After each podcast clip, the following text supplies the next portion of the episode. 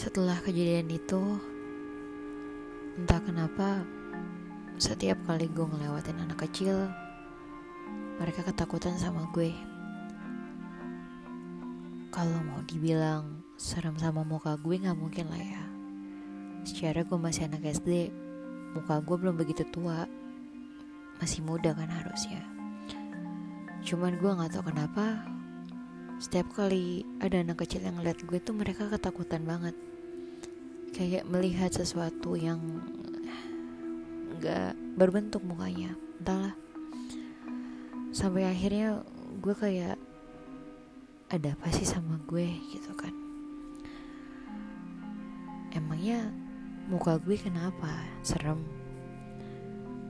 Tapi seharusnya kalau memang ada yang salah sama di fisik gue Orang besar pun, orang dewasa pun akan merasakan hal itu. Mereka juga menatap gue dengan aneh. Tapi ini mereka biasa aja sama gue. Dan itu berlangsung cukup lama. Ya, sampai akhirnya gue cerita lah sama nyokap. Apa yang gue rasa dan apa yang gue alamin. Dan nyokap gue nenangin gue dengan bilang, itu perasaan kamu aja kali gitu terus ya udahlah karena udah nyokap ngomong kayak gitu dan bokap juga biasa aja jadi gue kebawa santai juga kan akhirnya. Sampai suatu hari setelah kejadian kesurupan itu beberapa teman sekelas gue datang ke rumah habis maghrib. Ngobrol biasa main aja sebenarnya. Sekitar ada tiga orang. Gue masih ingat banget siapa mereka. Sandy, Akbar, dan Indra.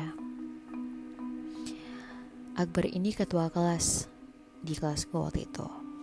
Dia murid pindahan baru, tapi udah jadi ketua kelas. Hebat kan?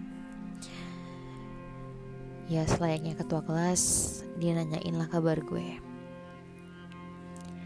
Lo apa kabar Del? Kata dia waktu itu. Gimana keadaan lo? Udah baikan? Kata dia waktu itu. Nanya. Gue yang nyambut mereka di ruang tamu. Udah mulai senyum, ketawa. Alhamdulillah baik, kata gue. Kalian apa kabar? Udah tiga hari kayaknya gue gak masuk sekolah ya. Kayak orang udah sakit beneran deh. Bercanda gue waktu itu. Ya mereka ketawa. Ya lo harus banyak istirahat lah. Untuk ukuran anak SD Percakapan kayak gitu Berat sebenarnya. Tapi ya gimana? Memang begitu adanya sampai akhirnya udah tengah nggak tengah malam sih jam 9 malam. Mereka harus pamit pulang. Dan ketika mereka mau beranjak pergi entah dari mana gue dapat gambaran kalau Akbar ini di tengah jalan kepalanya bakal kejedot sama tiang listrik. Nggak tahu dapat ilham atau gambaran dari mana? Tiba-tiba aja gue nyeplos sama dia. Bar hati-hati di jalan. Nanti lo bakal ketabrak sama tiang listrik kalau lo kejedot. Gue ngomong kayak gitu. Nggak tahu nggak tahu dapat dari mana ilham itu. Tiba-tiba itu ngomong sendiri gue kayak gitu. Dia yang tadinya udah bawa berdiri duduk lagi. Apanya? Maksudnya dia bingung dong. Gue ulang lagi. Ya nggak tahu tiba-tiba di pikiran gue ada gambaran lu kejedot aja sama tiang listrik abu-abu tengah jalan. Gue ngomong kayak gitu. Cindy nyaut. Lu indigo. Terus gue gue yang waktu itu nggak ngerti tuh indigo apa. Gue cuma geleng kepala. Apa sih? Nggak tahu. Apa itu indigo? Gitu kan. Indra nyaut kalau gue kalau gue bakal kenapa di jalan. Terus ya gue bilang ya lu kaki lo bakal tergelincir di pijakan trotoar karena lo bercanda sama Sandy. Serius dia nanya kayak gitu. Dan gue jawab dengan yakin ya. Entah karena gue melihat keseharian mereka yang suka bercanda ketika pas jalan atau memang gue mengikuti visual yang ada di kepala gue yang gue terima. Jadi gue mengucapkan itu. Dan mereka sempat diam bertiga. Ya antara yakin gak yakin sih itu bakal terjadi apa enggak. Dan akhirnya mereka pamit pulang ke rumahnya masing-masing. Keesokan harinya pas gue masuk masuk sekolah masih pagi banget. Itu belum bel masuk sekolah gue baru banget taruh tas. Tiga orang itu nyamperin gue di meja gue sambil ngomong iya Del apa yang lo omongin bener? Gue yang udah lupa sama apa yang gue ucapin tadi malam tuh bingung. Yang mana ya? kata gue. Terus akhirnya kata mereka yang lo bilang si Akbar bakal nabrak tiang listrik gue bakal tergelincir di trotoar gara-gara bercanda sama Sandy dan Sandy gak kenapa-kenapa. Gue diam. Dan gue waktu itu emang gak ngerti sih maksudnya kayak sebutin indigo atau bagaimana ya gue nggak paham lah ya aku gitu. Ada gue cuma natap mereka bertiga sambil kayak melengos dan gue pergi. Gue nggak tahu harus menanggapi apa sementara pas uh, eh, gue pergi meninggalin kelas Sandy teriak lo tuh indigo gitu kan. Gue ngambil pusing. Selang beberapa hari banyak kejadian aneh yang berse yang berseliwar di kepala gue gitu kan. Pusing asli pusing banget. Itu tuh kayak semacam gini loh. Lo dikasih suguhan uh, Doraemon. Gak lama Doraemon lagi berjalan nih. Lo dikasih suguhan Ninja Hattori. Ketika film 2 itu lagi berlangsung Ada lagi yang ngasih lo film Pikachu. Itu rasanya benar-benar bentrok dan kepala gue sampai pusing. Dan telinga gue berdengung. Asli itu sakit banget. Gue cerita sama nyokap gue dan nyokap gue sampai Kamu ini kenapa sih kak? gitu kan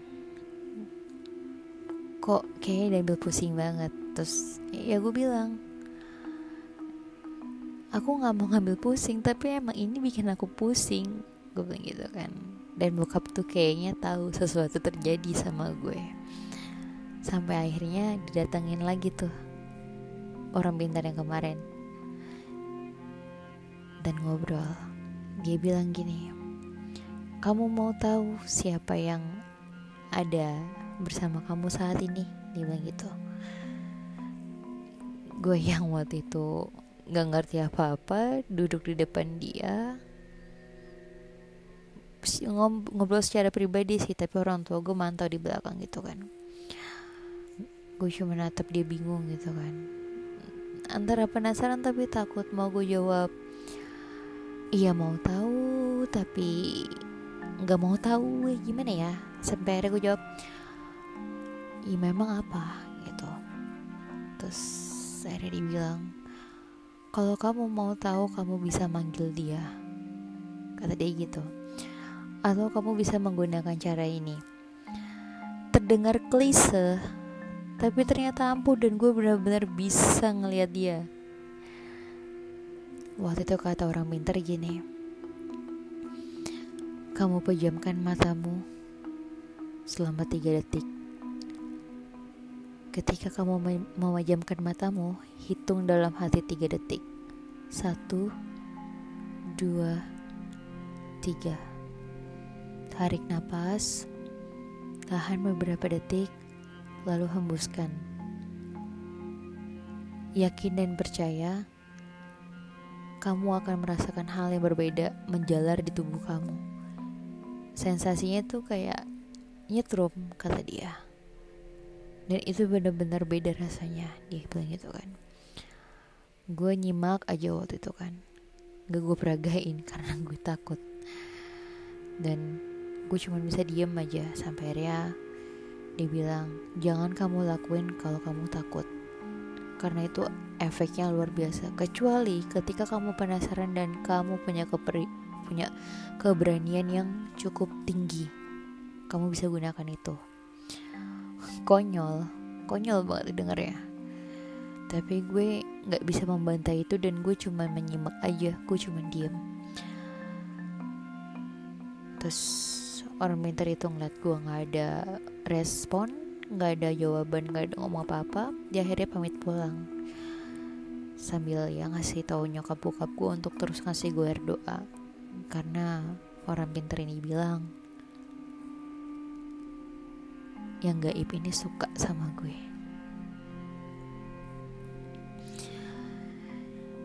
Dan ada masanya akhirnya gue punya satu waktu di mana gue mencoba itu di siang hari. Dan itu sama teman-teman gue. Gue ceritalah sama teman-teman SD gue yang beberapa orang tuh datang ke rumah dan mengerjakan tugas. Karena memang dulu kalau ada tugas sekolah kelompok gitu biasanya rumah gue yang dijadikan tempat untuk mengerjakan PR karena rumah dinas tuh cukup luas gitu kan. Di siang hari di lantai satu itu kita lagi pada tengkurap.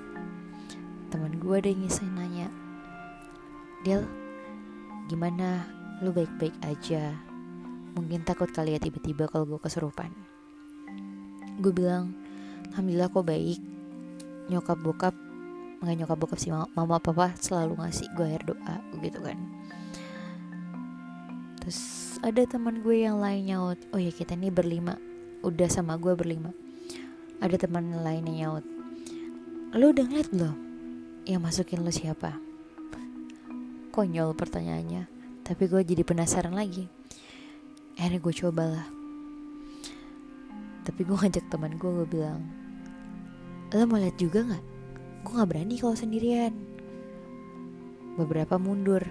Ada satu yang berani. Dia orangnya pas banget. Tengkurap di depan gue. Ayo kata dia gitu. Cukup tangguh lah menurut gue ya. Nyalinya gede juga. Gue duduk sama dia. Dia pun duduk depan gue dan dia mulai ngikutin aba-aba gue yang gue dengar dari orang pintar itu. Pejamkan mata